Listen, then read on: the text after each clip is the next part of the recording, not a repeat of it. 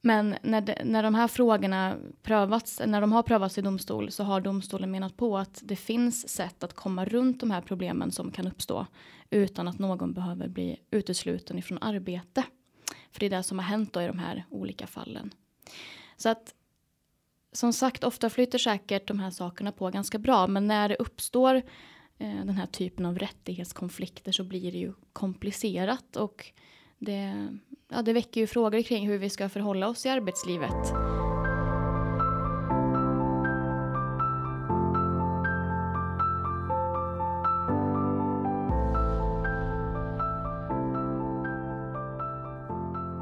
Hej och välkommen till Agera-podden. En podcast där vi på Agera Värmland tar upp frågor inom mänskliga rättigheter, demokrati och diskriminering. Allt med ett fokus på Värmland. Och med idag är jag, Nina Karlsson Norman. Och vi har också med oss Lars Stjärnelöv. Hallå. God morgon. Och Hanna Finell. God morgon. Och Per Hydén. Hej. Hej. Ja, hur mår ni idag? Det är en solig dag här vid kontoret och påsken är på intågande. Mm. Skönt att det sista av snön börjar försvinna. Nu, Ja. Det var ett konstigt bakslag. Ja, det var Igen verkligen för tredje konstigt. gången. Ja. Ja, precis. Nej, men det är bra. Påsken är ju härlig tid tycker jag. Det, Mm. det blir bra. Mm, det tror jag också. Och eh, vi ska börja med att dra igång vårt första segment, vilket ju är våran runda med aktuella händelser. Och jag tänkte att eh, du Lars gärna får börja. Okej, då tänkte jag naturligtvis, höll jag på att säga, men jag tänkte knyta an till eh, att det var femårsdagen sedan attentatet på Drottninggatan i förra veckan. Just det. Eh, 7 april eh, 2017 så genomförde ju Akilov eh, ett attentat med lastbilen på Drottninggatan. Och jag befann mig faktiskt själv på, på platsen alldeles en halvtimme innan. Jag var i Stockholm på ett möte och, och skulle gå in på Åhléns men fick lite snårt om tid till tåget så att eh, jag valde Mm. istället att lämna Drottninggatan och hamnade på, jag tror det var det sista tåget som lämnade stationen innan kaoset bröt lös. För innan vi kom till Södertälje så började flasharna att komma in på telefonen. Så att, eh, ja, det var på håret för mig också, men det var ju många andra som naturligtvis säkert fick återuppleva minnet här nu när, med årsdagen. Mm. Eh, Men det, jag, var, jag tänkte inte fastna just i händelserna på Drottninggatan. Jag tänkte bara eh, en liten filosofisk fundering kring terrorismens motiv och att de egentligen alltid förlorar. Eh, man vill ju genom sina olika terrordåd sätta skräck i befolkningen. Man vill ha, eh, få utrymme för sina frågor och så. här. Men det som händer är ju nästan alltid det omvända. Samhället sluter sig samman, samhället blir starkare än tidigare. Vi såg ju på Drottninggatan hur polisen då som tidigare varit så kritiserad, hur deras bilar blev överösta med blommor. Och, Mm. eh, vi ser ju nu också i, i Ukraina när Ryssland trodde att han skulle kunna splittra Europa med sitt angrepp när istället Europa samlar sig. Mm. Så att eh, någonstans finns det ändå en, en eh, förhoppning i att terrorn kommer aldrig att segra. Eh, samhället kommer alltid att vara starkare än eh, terroristerna tror. Eh, så att kan det bli eh, någonting som sprider sig i, i, även bland de som tänker terrorism så kanske vi har en möjlighet att få en lösning på det hela. Men sammantaget i spaningen, terrorism lönar sig inte. Nej, just det. Viktigt perspektiv att lyfta fram. Tack. Hanna, vill du fortsätta med din spaning? Ja, jag tänkte dra lite om eh, reaktionerna på Rysslands krig i Ukraina. Mm. Vi kollar lite på hur extrema rörelser organiserar, liksom hur de reagerar på, på saker som händer. Och eh, eh, min spaning är att det fortfarande är lite splittrat. Alltså den standardreaktionen i rörelser som är emot eh, mainstream media, alltså vanliga nyhetskanaler och mot staten och så här, det är ju att vara emot allting som media är för och nu är det ju då eh, därför vill man ju lätt hamna i att eh, man ska vara kritisk mot det här i Ukraina. Det kan ju inte stämma om media är så här överens till exempel. Då kan det ju inte riktigt vara så där. Mm. Eh, det är lite dubbelt så fortfarande. Vissa är mer för ja, men, Ukraina i den att ja, men, ingen suverän stat ska anfallas. Det är ett vitt folk som blir attackerat av ett annat vitt folk. Eh, man hamnar kanske lätt i att det är någon annan som ligger bakom det här egentligen. För vem egentligen tjänar på det här kriget? Ja, men det måste ju vara the deep state, eh, och bolsjevikerna eller vad det nu är. Eh, att det är någon annan som tjänar på det här och iscensätter det eftersom för dem så är det ju helt orimligt att ett, ett vitt folk ska strida mot ett annat vitt folk. Liksom. Det, det Mm. menar de ju att man bara förlorar på. Eh, och att man då kanske blir mer, att man är mindre för Ryssland än man varit tidigare. Medan andra, alltså en stor liksom, genomgående grej är ju också att man förstår Rysslands agerande och att det egentligen är kanske NATOs fel eh, och EUs fel som liksom har pushat dem till det här. Eh, jag ser lite en tendens nu att man, liksom, man försöker ändå det är ju svårt för nazister att vara på Rysslands sida när de säger att deras mål är att avnazifiera Ukraina. Mm. Eh, vilket självfallet inte är sant ska vi väl säga för alla här. Eh, Mm. och det är inte någonting som Ryssland kanske kämpar mot internt heller, nazism och extrema yttringar direkt. Eh, men det blir ju svårt. Men jag ser fortfarande att det är en tendens, det är väldigt svårt att ta sig ifrån. Man har ju ganska länge tagit till sig mycket av rysk desinformation och rysk statlig propaganda och sånt som ja, men nyheter som kommer från de kanalerna helt enkelt. Delvis bara för att de är alternativa, alltså det ger ett annat perspektiv. Eh, men eh, det är svårt att ta sig därifrån samtidigt. Så att även om man eh, nu liksom, ja, men kanske är eh, mindre, mer emot Ryssland än varit tidigare så är det fortfarande väldigt mycket deras perspektiv man delar. Och man skriver mycket som liksom passar in i det narrativet. Så vi får se lite hur det går där med Eh, hittills så har det varit liksom ett ekosystem som förstärker varandra ganska mycket. Vi har eh, ja, men alternativa röster i Sverige, vi har mer extrema så. Mm. Eh, och att de ger nyheter som rysk propaganda kan dela och att ryska kanaler skriver nyheter som sen extrema högern i Sverige delar Mm. och sådär. Att det förstärker varandra. Mm. Eh, får se lite hur det kommer utvecklas framöver. Än så länge har det inte direkt eh, brytts ner liksom så. Men, eh, Mm. men det, det finns tendenser mot att det här kanske inte kommer funka riktigt lika starkt. Men vi får se. Ja, vi får följa det. Intressant. Mm, verkligen. Och Per, vad hade du tänkt ta på rundan? Ja, när jag funderade här eh, kring vad min spaning skulle vara för den här poddavsnittet så tänkte jag, jaha, ska jag göra någon framtidsspaning kanske? Vad skulle det kunna vara? Och vilket tidsperspektiv ska jag då eh, välja? Vilken tidshorisont? Och då blev det istället att jag började fundera kring det här att vad, hur långt framöver i tiden planerar vi för som samhälle och tänker kring och agerar utifrån? Eh, Vi är ju ofta inne i frågor kring hur mycket ska man välja att jobba förebyggande och hur mycket ska man välja att jobba reaktivt, eh, alltså eller åtgärdande. Och det ser ju vi i alla våra verksamheter att det måste ju finnas en, eh, alltså både och. Men vi förespråkar ju ofta förstås att man ska agera ännu mer för det förebyggande perspektivet. Men det är ju inte alltid man får med sig människor på det. Av olika anledningar förstås.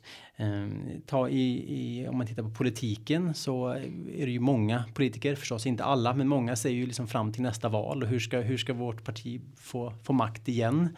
Ehm, hur, när är det relevant att titta på väldigt långsiktiga perspektiv tycker jag är jätteintressant. Alltså ställa oss frågan bara hur kommer vårt demokratiska statsskick se ut i Sverige 2060? Mm. Hur, om, sånt här tycker jag, i alla fall från min personliga synvinkel, har det varit så självklart inom min eh, uppväxt. Levt liksom i ett tryggt land som Sverige där, där frågan om eh, demokratins vara eller icke vara, det är ju en icke-fråga för den är så stadfast. Eller den är så, Mm. men nu vad som händer i vår omvärld och vad som händer i Europa så börjar man ju fundera. Klimatfrågan är förstås också en sån där fråga där det sätts långsiktiga mål. Eh, men jag tycker det är väldigt spännande att kunna faktiskt eh, tänka lite längre fram. Även på, även liksom på en arbetsplats eller i en kommun. Eh, just det här att våga också lägga resurser på det förebyggande, det långsiktiga. Som kanske då inte man kan mäta resultat av under liksom tredje kvartalet eller, eller om nästa år till och med utan det får man hämta hem sen. Eh, hur ofta säger vi inte det om våra barn och ungdomar också att man kanske behöver extra stöd i skolan. Det, det är ju en kanske en större kostnad nu men kanske betalar tillbaka sig först om tio år när den eh, individen inte hamnar i ett utanförskap eller långtidsarbetslöshet. Men det kan vara svårmotiverat den kostnaden just liksom idag. Eh, för det går på den, det årets budget eller vad man ska säga. Och jag tycker de här eh, frågorna är så spännande. Vad, vad skulle göra att vi kan lägga ännu mer resurser och våga tänka långsiktigt? Ett annat exempel som jag kommer att tänka på det är under pandemin. När Sverige liksom genom åren har, har um, valt att prioritera bort sina beredskapslager och så vidare för att man har levt i fredstid så länge och tänker att den krisen kanske inte kommer. Uh, men nu såg man att ja, nu kanske det hade varit bra med viss typ av beredskap. Mm. Just det här långsiktiga och planeringen och våga vara lite framåt och inte bara finnas där vi är just nu utan hur mm. kommer det se ut? Det kan till och med om hundra år eller mm. ja. Så att det blev lite flummigt kanske, lite mer filosofiskt. Men jag tycker de här frågorna är väldigt spännande och man kan även fundera kring dem i sitt egen i sin, på sin skola eller på sin arbetsplats. Att hur, hur vill vi ha det om, om tio år? Hur jobbar vi upp en arbetsplatskultur så att vi kommer dit vi ska? Det är inte bara här och nu. Det ska inte bara vara reaktivt. Mm. Ja. Lite så gick mina tankar. Så inget, inget konkret men, men uh, lite uh, lång framtidsspaning från mig idag. Mm. Ja tack, det är verkligen intressant och spännande. Och det kanske också handlar lite om att vi inte kan ta demokratin för given. Mm. Eh, och kanske heller inte mänskliga rättigheter. Som eh, faktiskt är det ämnet vi ska fortsätta prata om i den här podden idag.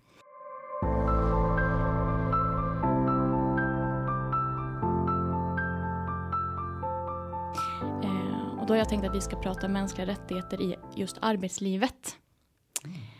Vilken koll behöver man till exempel ha som chef på mänskliga rättigheter till exempel. Eh, för ofta flyter ju det här på ganska bra och vi behöver kanske relativt sällan fundera så mycket över det, alltså vilken koll vi behöver ha och vad är mänskliga rättigheter. Eh, ofta så funkar det nog ganska bra, men inte alltid. Och varför jag tänkt att vi ska prata om det här idag är för att det har nyligen kommit en dom som handlar om just det här. För då var det så att förra året så var det en kommun i södra Sverige som beslöt att inte anställa personer som av religiös eller kulturell anledning inte kunde ta det motsatta könet i hand för att hälsa. Så då antog man faktiskt ett generellt beslut som sa det här. Och nu så har tingsrätten i Malmö upphävt det här beslutet därför att det strider mot lag som skyddar religionsfriheten. Och det här är ju inte en unik situation utan eh, frågan om just det här eh, med krav på att hälsa genom att ta i hand har ju dykt upp tidigare och har också prövats i, i, i domstol innan. Och det har ju rört personer som då har hälsat på andra sätt genom alltså att inte ta i hand eh, därför att religionen inte har tillåtit handskakning med motsatt kön. Och här har då arbetsgivare hävdat att det strider mot ett jämställt samhälle att inte kunna ta i hand med motsatt kön. Att det kan påverka affärsmässiga relationer och att det också kan upplevas kränkande och diskriminerande för den som eh, så att säga inte blir hälsad på på det sedvanliga sättet.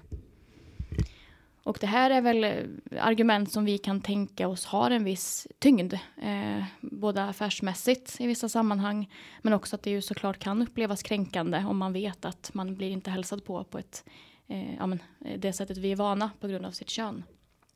Eh, men när, de, när de här frågorna prövats, när de har prövats i domstol så har domstolen menat på att det finns sätt att komma runt de här problemen som kan uppstå utan att någon behöver bli utesluten ifrån arbete. För det är det som har hänt då i de här olika fallen. Så att som sagt, ofta flyter säkert de här sakerna på ganska bra, men när det uppstår eh, den här typen av rättighetskonflikter så blir det ju komplicerat och det, ja, det väcker ju frågor kring hur vi ska förhålla oss i arbetslivet eh, och vilken koll behöver man ha. Vad, vad tänker ni spontant? Spontant intressant dom för att det är ju en, alltså det är en väldigt relevant fråga där mm. inget svar egentligen är tydligt, i alla fall inte för mig, det här är inte mitt område, men mm. för mig är det inte uppenbart vad det är som ska vara rätt eller fel här. Alltså, när det var en så, så generell att ja, men vi anställer inte folk inom kommunen liksom, mm. då blir det ju väldigt brett. Mm. jag tänker att det är väl inte så jätterelevant för en växeltelefonist att ta i hand. Eh, Precis. Men eh, samtidigt eh, kan jag förstå om till exempel inom äldrevård eller sådär. Mm. Eh, eller liksom omvårdnad så där man träffar människor. Även för en kommun, jag tänker det blir en annan fråga när det är privata företag som ska vara vinstdrivande och så här, men även för en kommun att det kan vara relevant om det är någon som kommer ut till folk i deras hem och sånt. Mm. Om man inte följer samma normer eller liksom, Mm. jag menar inte traditioner nödvändigtvis men till exempel om man kommer, man hälsar, man skakar i hand och sådär. Mm. Att det kan göra folk ganska obekväma och upplevas liksom, ja men det kan bli någon form av liksom spänning. Eh, och Om man då det- inte väljer att ta i hand menar du? Ja, men precis, om, man, Mm. om man inte gör det. Så jag, jag förstår bakgrunden till och också när man pratar om jämställdhet och sådär. Mm. Att, eh, att vi, när vi i Sverige pratar om jämställdhet, ja men då handlar det om att man inte ska eh, göra skillnad på folk utifrån kön. Mm. Vilket ju också är ett mänskliga rättigheters perspektiv. Så Ja, det men liksom, precis. eh, Ja, det är inte ett orimligt argument att ha. nej, Som arbetsgivare hur? tänker man ju Eh, att ja, men vi vill värna jämställdheten. Ja, Mm. Mm. Så, att, så här, det är ju både, jag tänker man kan ju ställa det som en fråga av ja, men mänskliga rättigheter som ger religionsfrihet mot ja, men våra kulturella normer eller vinstintresse eller så här, men det går också att ställa det som mänskliga rättigheter mot en annan mänsklig rättighet och det Mm. blir alltid jättesvårt. Mm. Eh, vilken väger tyngst där? Så det är ju bra att man kan få vägledande domar men det är samtidigt svårt för det är inte nödvändigtvis intuitivt vad som är rätt svar enligt lagen Nej. här. Eh, kanske inte nödvändigtvis det som spontant känns rätt tänker jag. Nej, precis. Sen är ju frågan om det handlar om att inte hälsa eller att inte hälsa på ett sätt som vi är van enligt vår kultur. Det går ju Mm. att hälsa på många sätt. Mm. Och det kanske vi har fått snabblärt oss nu under pandemin också när det Mm. absolut inte har varit självklart Nej. att ta i hand. Så Nej. det är möjligt att vi hittar, tack, tack vare eller på grund av det också hittar andra vägar. För det, det tycker jag är en skillnad att eh, om man vägrar att hälsa och då, då hamnar vi ju i en slags hierarki. Mm. Ja. Men om man väljer att hälsa på ett annat sätt då har man ju ändå eh, Mm. mött personen och respekterat den som person. Så att där i ligger det ju också en, en skillnad. Mm. Precis. Och det var ju faktiskt just en sån aspekt som eh, en av domstolarna lyfte fram att eh, den personen som då inte fick jobbet för att man valde att hälsa på ett annat sätt hävdade ju att eh, hen hälsade på det sättet oavsett om eh, den hälsade på kvinnor eller män. Så där gjorde man ju inte skillnad utan man hälsade på ett likvärdigt sätt så att säga oavsett fast inte på det senvanliga sättet. Eh, så där gick ju domstolen in och, och pekade med hela handen att att eh, där var det inte proportionerligt och inte erbjuda ett jobb enbart på grund av det. Nej, för det, det här är ju en viktig del tycker jag också Mm. i hela frågan då att gör, gör man eh, lika för då, då gör man ju inte skillnad på könen. Men det, för jag förstår ju också den, det perspektivet att säga då att man, det kommer en ny person på en arbetsplats och så tar man i hand eh, med män men inte med kvinnor, alltså med sina kollegor. Mm. Det är klart att det kan upplevas som verkligen kränkande. eh, Verkligen. Ja. Men just att det här att man gör då samma för alla. Eh, så Precis. blir det ju inget problem då, i alla fall utifrån, utifrån kön eh, på det sättet. Sen är det ju intressant såklart att, att ställa sig just frågan och det kanske blir väl också lite mer ja, vad ska man säga, teoretiskt eller eh, filosofiskt för det jag tror kanske det är ganska ovanligt att det, att det, ja, att det händer. Men just det här att eh, tänk ett jobb som en säljare som är ute hos kunder och ska snabbt få liksom en bra kontakt med människor och förtroende. Och här i Sverige är vi ändå vana vid att ta i hand. Mm. Som du säger Lars nu, nu har vi blivit lite eh, kommit av oss med det, vad ska säga, eh, naturligt. Avvanda. Precis, avvanda, exakt, Mm. eh, med pandemin.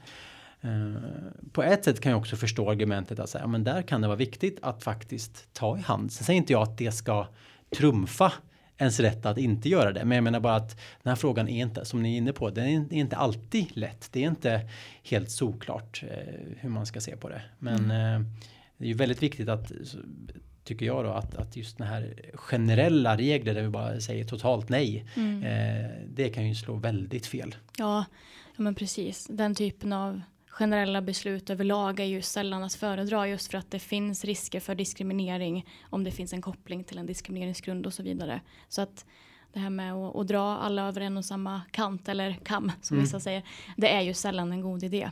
Eh, verkligen. Och det här med alltså, huruvida vi kan acceptera andra sätt att hälsa på än det vi är vana, det som seden och traditionen säger, det är också en intressant fråga. Men jag tänker lite om vi gör en internationell utblick. Eh, så, så jag tänker de företag som jobbar internationellt där man möter företagskunder och sådär. Där är det ju snarare en fördel att, att ha ja, men vad ska man säga, olika seder och traditioner med sig. Hur man eh, bemöter varandra och hur man hälsar och liknande. Så jag tänker att det är också lite relativt. Eh, det här med eh, ja, men hur vi hälsar och det behöver inte alltid uppstå eh, liksom affärsmässiga problem kring att man inte tar i hand när man hälsar utan att det kan också vara kanske en fördel i vissa internationella sammanhang att man har en, en variation. Så för det. Jag tänker att det blir lite så här, två grejer där. Dels att så här, ja, men vi kanske inte nödvändigtvis förstår vad alternativen är och det kan ju bli Mm. liksom arbetsgivarfrågan då. Men tänker sig arbetsgivaren, okej det här är inte en person som tar i hand, det är en person som inte kommer hälsa. Ja men då låter ju det ganska orespektfullt. Men om det så, här, så där kan det ju vara då mer att man har koll på men hur, hur hälsar man respektfullt på andra sätt än att skaka någon i Mm. handen så.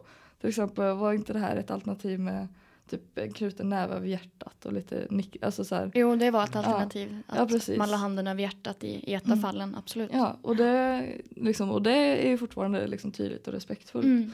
Men samtidigt det här med internationella tror jag också kan bli lite missvisande som vi pratar om det här. För jag tänker där är väl sedan snarare att man tar den dit man kommer och man på ett affärsmöte till Japan så försöker man hälsa som seden är där, kanske genom att buga eller något sånt där. Och antagligen misslyckas eftersom man inte vet hur man gör det rätt. Ja, Men men, här- ja. Ja, och, men där tänker jag i internationella sammanhang då är det väl mer att man försöker ta seden dit man kommer.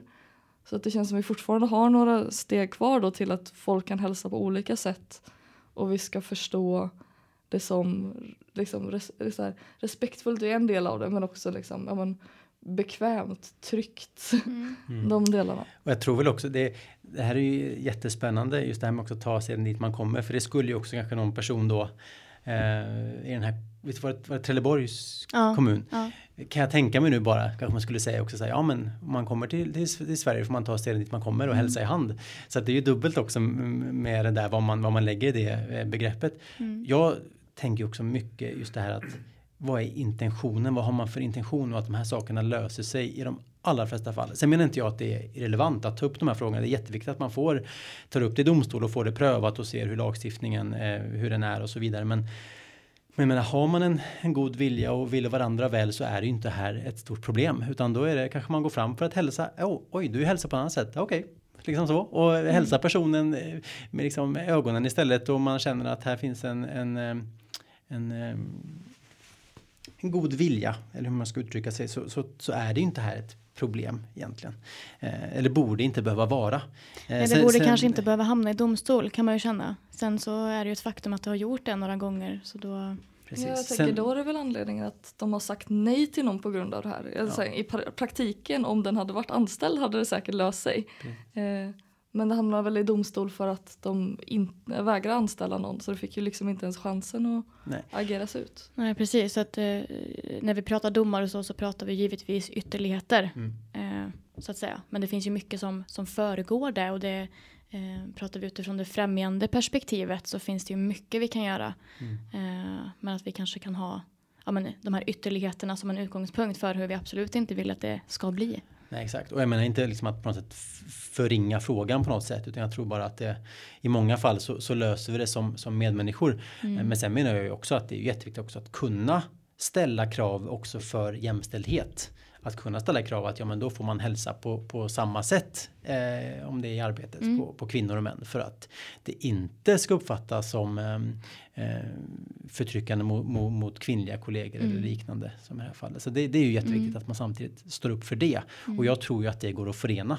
Att Ja. man, man som du säger Nine jobbar främjande för lika rättigheter och möjligheter att våga ta tag i frågan och inte bara säger blankt nej. Nej men precis. Och, och för att kunna göra det så kanske man måste ha resonerat lite kring eh, ja, men alternativ och eh, hur man kan vara lösningsorienterad och liknande.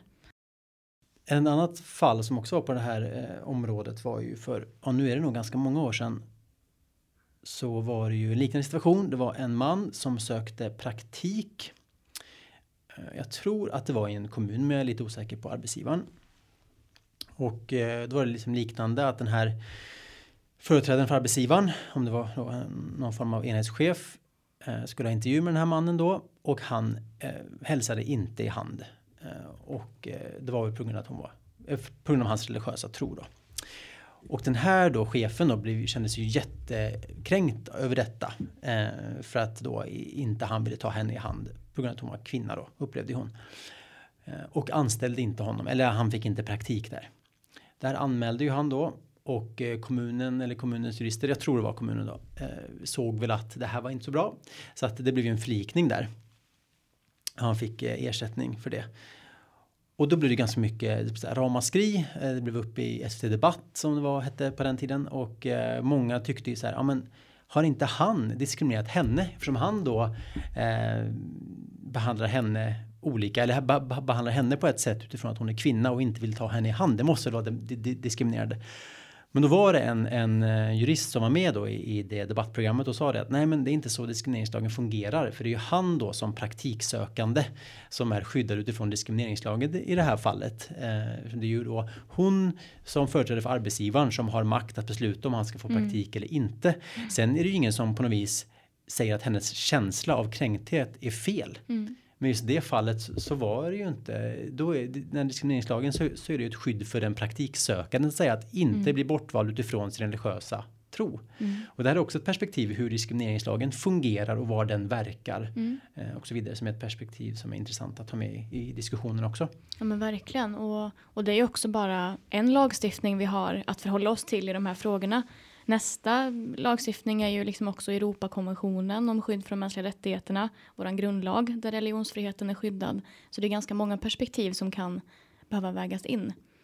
Eh, men det här är också intressant, du var inne på att det uppmärksammades i media och sådär. Det gör ju ofta det när det kommer den här typen av domar. Det får uppmärksamhet i media eh, och det kan framstå som att frågan är lite infekterad eller som att det är känsligt och sådär. Och det är det säkert också men eh, därför tycker jag också att det är viktigt att lyfta Eh, de här fallen och resonera kring det och lyfta ut kanske detaljer och lite sånt som, som ofta inte framkommer i media när man lyfter fram olika domar och så där. Det har jag nämnt innan också att det kan vara viktigt att titta på detaljer så att vi inte gör återigen för stora generaliseringar av det vi läser som kanske bara är en, ja, men en ganska kort text eh, eller ett inslag, kort inslag i, i tv eller radio. Eh, så det känns viktigt att, att problematisera också kring kring det här. Nej, precis så att man får med många olika perspektiv som du mm. säger för det är ju eh, ofta större frågor som kanske behöver både diskuteras mer och lyftas upp detaljer och hur har domstolen resonerat för en, en snabb nyhetsflash kan ju lätt man tro att det rör sig om någonting annat än vad det kanske gör eller att mm. man inte ser detaljer och så kan man gå igång och så är diskussionen på Twitter snabbt eh, i mm. ras eh, och ja så det är jättebra tycker jag att man lyfter och kan prata lite mer och lite mer grundligt för då ser man ju också de här olika perspektiven som de flesta av oss tror jag kan hålla med om. Att man kan mm. se eh, hur viktigt det är att stå upp för religionsfriheten. Eh, men man kan också se de här andra perspektiven utifrån både liksom en arbetsgivare eller liksom hur, att andra kollegor ska känna sig. Eh, också att de eh, får sina rättigheter tillgodosedda och så vidare och kunna mm. hitta en, en, lösning och jobba främjande för det. Mm. Ehm. Nej men precis. Um, för det kan ju också vara det här kring, kring eh, religionsfriheten att um, som, som det ju har blivit i de här fallen då när, när någon har gett uttryck för ett eh, ojämställt agerande eller bemötande då från arbetsgivarens perspektiv. Um, så har man ju inte riktigt eh, tänkt vidare. Man har, man har fastnat kring att okej, okay, men den här personen vill inte ta det motsatta könet i hand och så har man fastnat där. Man har kanske inte kommit så mycket längre. Um, och det är viktigt också att skilja på att, att eh, så som vi bemöter människor och så som vi agerar är, är en sak. Men det som vi har rätt till att, att tänka och tro eh, och, och ens åsikter och värderingar och så vidare, det har ju ett annat skydd. Eh, så det är också viktigt att att hålla isär de två sakerna eh, i varje situation. Och det hjälper oss ju också när vi ska vara eh, när vi ska arbeta förebyggande och främjande i de här frågorna. Eh, att vi eh, kan vara lösningsorienterade och se hur löser vi det i praktiken. Hur, hur gör vi det här så att alla får ett gott bemötande som mm. inte är kränkande eller diskriminerande till exempel. Så där går det också att lyfta in rättigheter som yttrandefrihet och, och åsiktsfrihet. Att det är ju en annan fråga eh, i det här. Absolut. Jag tänker att en, oh, förlåt, var det för det? Mm. Absolut. Och jag tänker en annan viktig del att lyfta in i det här är också här, en rimlighetsbedömning som alltid mm. måste göras. Men det är klart att eh, vi människor är ju olika, eh, olika grad av hur vi, om vi tror och är religiösa eller inte och hur mycket det påverkar vårt liv i vardagen. Och, eh, det är klart att det också finns en, en rimlighetsgräns utifrån en, ens religiösa eh, Ehm, praktiserande som skulle kunna mm. få negativa effekter på ens arbete som inte är rimliga. Eh, jag minns vi hade, det var också flera år sedan när vi hade samtalsgrupper i skolor med, med nyanlända elever. Vi pratade om eh, rättigheter och skyldigheter och vi pratade om eh, kulturkrockar och så vidare. Då kommer ihåg, det var, vi hade en jätteintressant diskussion med en elev som just funderade kring det här med, med att förena en, en stark muslimsk, muslimsk tro utifrån arbetslivet och just med eh, bönetider och så vidare.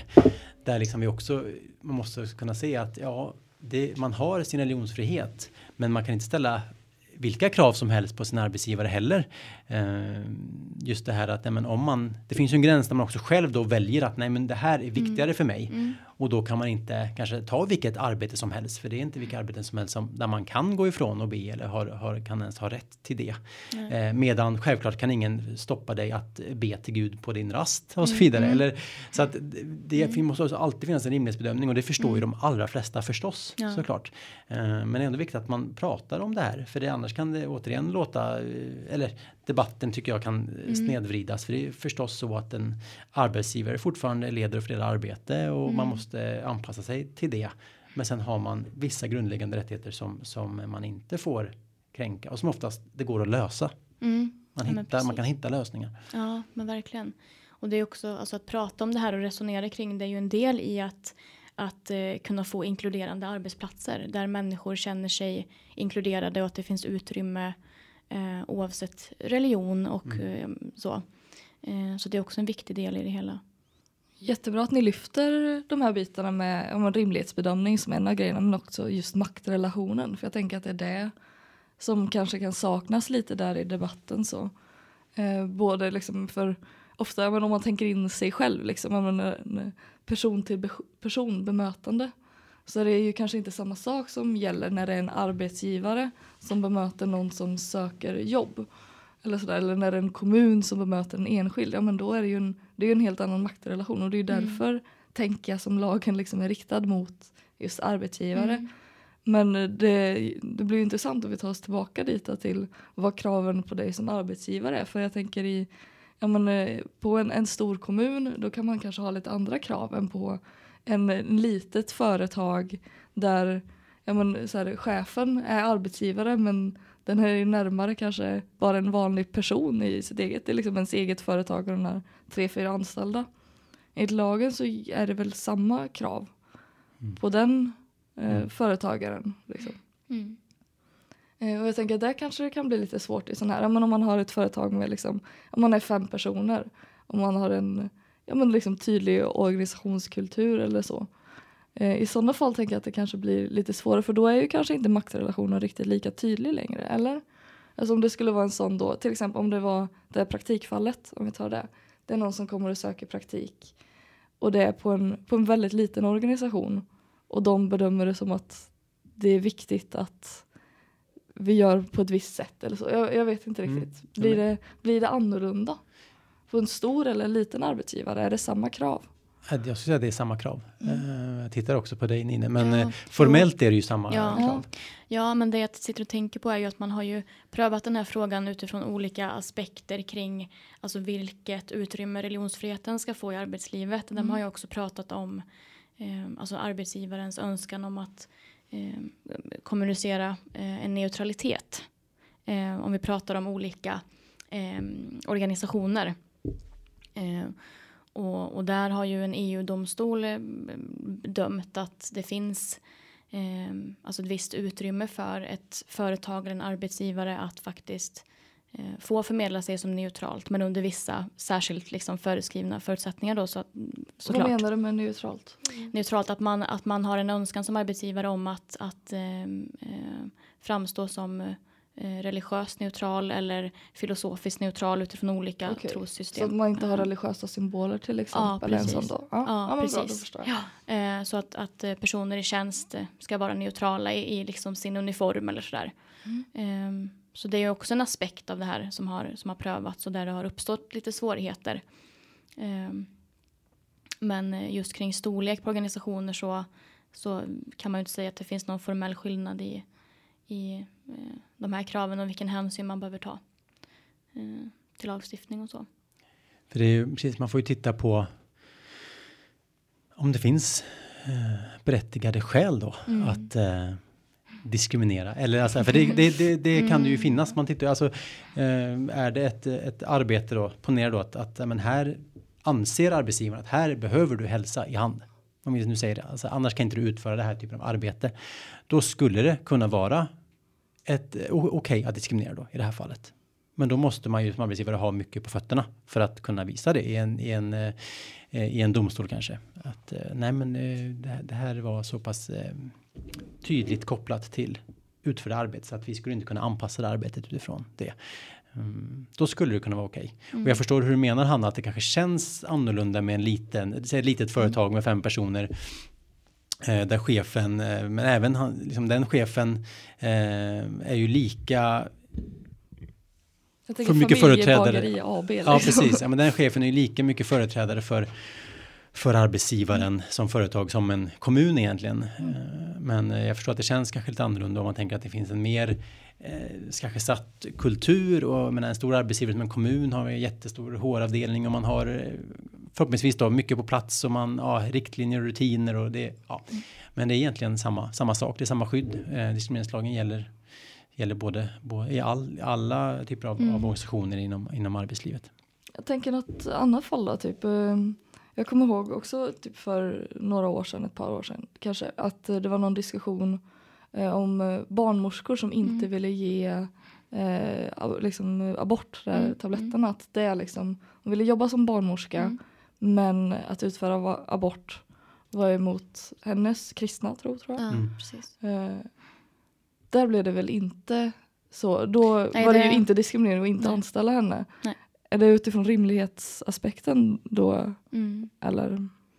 Ja, för där domstolen tittar ju mycket på att här har ju den personen självmant valt den här utbildningen och den yrkesgrenen eh, i vetskap om att eh, hon hade förmodligen behövt utföra de här uppgifterna och man bedömde också att eh, den typen av arbetsuppgifter kring just abortvård ingår ju typiskt sett i en barnmorskas arbetsuppgifter. Så det var ju en del av den skälighetsbedömningen man gick in och tittade på, på alla de här omständigheterna. Jag Eh, tänker då skulle det vara samma sak till exempel om man inte av religiösa skäl vill röra personer av andra könet. Då kanske man inte ska söka sig till äldrevård där det är en del av jobbet att man hjälper till att duscha Ja. någon eller sådär. Det Exakt. liknande då? Typ? Exakt, Ja. så så kan det ju absolut vara. Det var lite grann det som jag ville komma in på. Men jag tog exemplet med den här diskussionen med den här eleven som, som vi hade i de här samtalsgrupperna. Att det finns ju också, det är liksom inte alltid en, det är inte en mäns, mänsklig rättighet att kunna jobba som barnmorska. Nej. Utan har du då, eh, vill du eh, praktisera din, din religiösa övertygelse och tro så har du ju all rätt att göra det. Men inte då så långt, det är så i alla fall man resonerat, så att det påverkar arbetsuppgifterna Nej. som väldigt tydligt då Mm. eh, ingår i den här typen av, av Mm. yrke. Så det gäller ju för alla, alla religioner, så det är jättebra exempel Hanna, att, du, Mm. att du tar upp det. Mm. Det är ju samma som det är ju, så det finns ju fall återigen där, där man får eh, diskriminera och där man får ställa krav även där då religion kan bli relevant. Ett exempel som vi ibland tar som ibland kan bli lite så här skrattretande men eh, det är så här men du får ju ställa krav om du ska anställa en, en en präst. Så det är klart att man, man kan då ställa krav att ja då, då ska det väl vara någon som är kristen liksom. eller så här, som Mm. följer Svenska kyrkans tro. Ja. Eh, och då så, såklart det finns en möjlighet att diskriminera andra. Sen Mm. kanske inte någon, någon annan eh, skulle söka till prästyrket om man nog inte hade en, en eh, kristen tro. Men eh, Mm. sagt, det, det, det finns eh, möjligheter att, att eh, om det hör till, återigen, det handlar ju om, om, om arbetet i fråga. Mm. Och det handlar ju om allt ofta när det gäller diskriminering i arbetslivet eller vid rekrytering att vi förespråkar ju en kompetensbaserad rekrytering och det ska, Mm. man kan se att man ska söka rätt kompetens och det ska inte, han, din religion, din, eh, ditt kön, din sexuella läggning ska inte spela någon roll. Den ska ju vara kompetens. Eh, och det blir ju relevant även, även i det här fallet. Och det ska vara tydligt kopplat till dina arbetsuppgifter. Och där kan man återigen få göra undantag ibland om man ser att det kommer krocka. Jag tänker i praktiken blir det väl sällan ett problem att någon söker ett jobb där de inte kan tänka sig göra arbetsuppgifterna liksom. Så att det, de fallen kanske inte är eh, jätterepresentativa för när vi pratar om diskriminering. Liksom. Nej, precis. Och sen är det ju återigen värt att bara nämna det här som vi varit inne lite grann på att många arbetsgivare kan nog också titta lite mer på kan man anpassa Mm. och vara mer en främjande kraft för att vi kan vara olika där olikheter kan få plats där vi kan ha olika religiösa eh, eh, trosuppfattningar men inte bara religion utan eh, könsidentitet och där man kan verkligen vara sig själv eh, där är man nog kanske första anblicken om man är inte om det är nytt för, för en att mötas kanske med, med en ny religion för just den arbetsgivaren så kanske det kan kännas som att ja, men det här kommer inte gå. Eh, men att det finns mycket man kan göra. Ett till exempel som många arbetsgivare nu har infört det är ju det här med lite mer flexibla eh, röda dagar. Mm. Alltså, alltså som, eh, som vi, i, vi går efter den, den eh, typiskt då kristna kalendern, att vi har många kristna högtider i våra röda dagar. Eh, Men att man som arbetsgivare kan, kan säga till sina medarbetare att man istället kan få välja för att det kan eh, och det är som sagt det behöver inte vara diskriminerande men det kan vara en främjande åtgärd att säga att vissa då som inte alls firar jul eller påsk kanske inte alls önskar vara lediga på de dagarna men önskar vara lediga vid en annan religiös högtid istället. Att man har tittat att ja men under 2022 så är det sju stycken röda dagar som alla medarbetare kan få egentligen då pytsa, pytsa ut själva då när, man, när det passar om man vill. Så, där. så att det är ju ett, bara ett exempel på hur man kan verka mer främjande och inkluderande. Verkligen, och jag tänker att det får bli eh, eh, början på vår avrundning.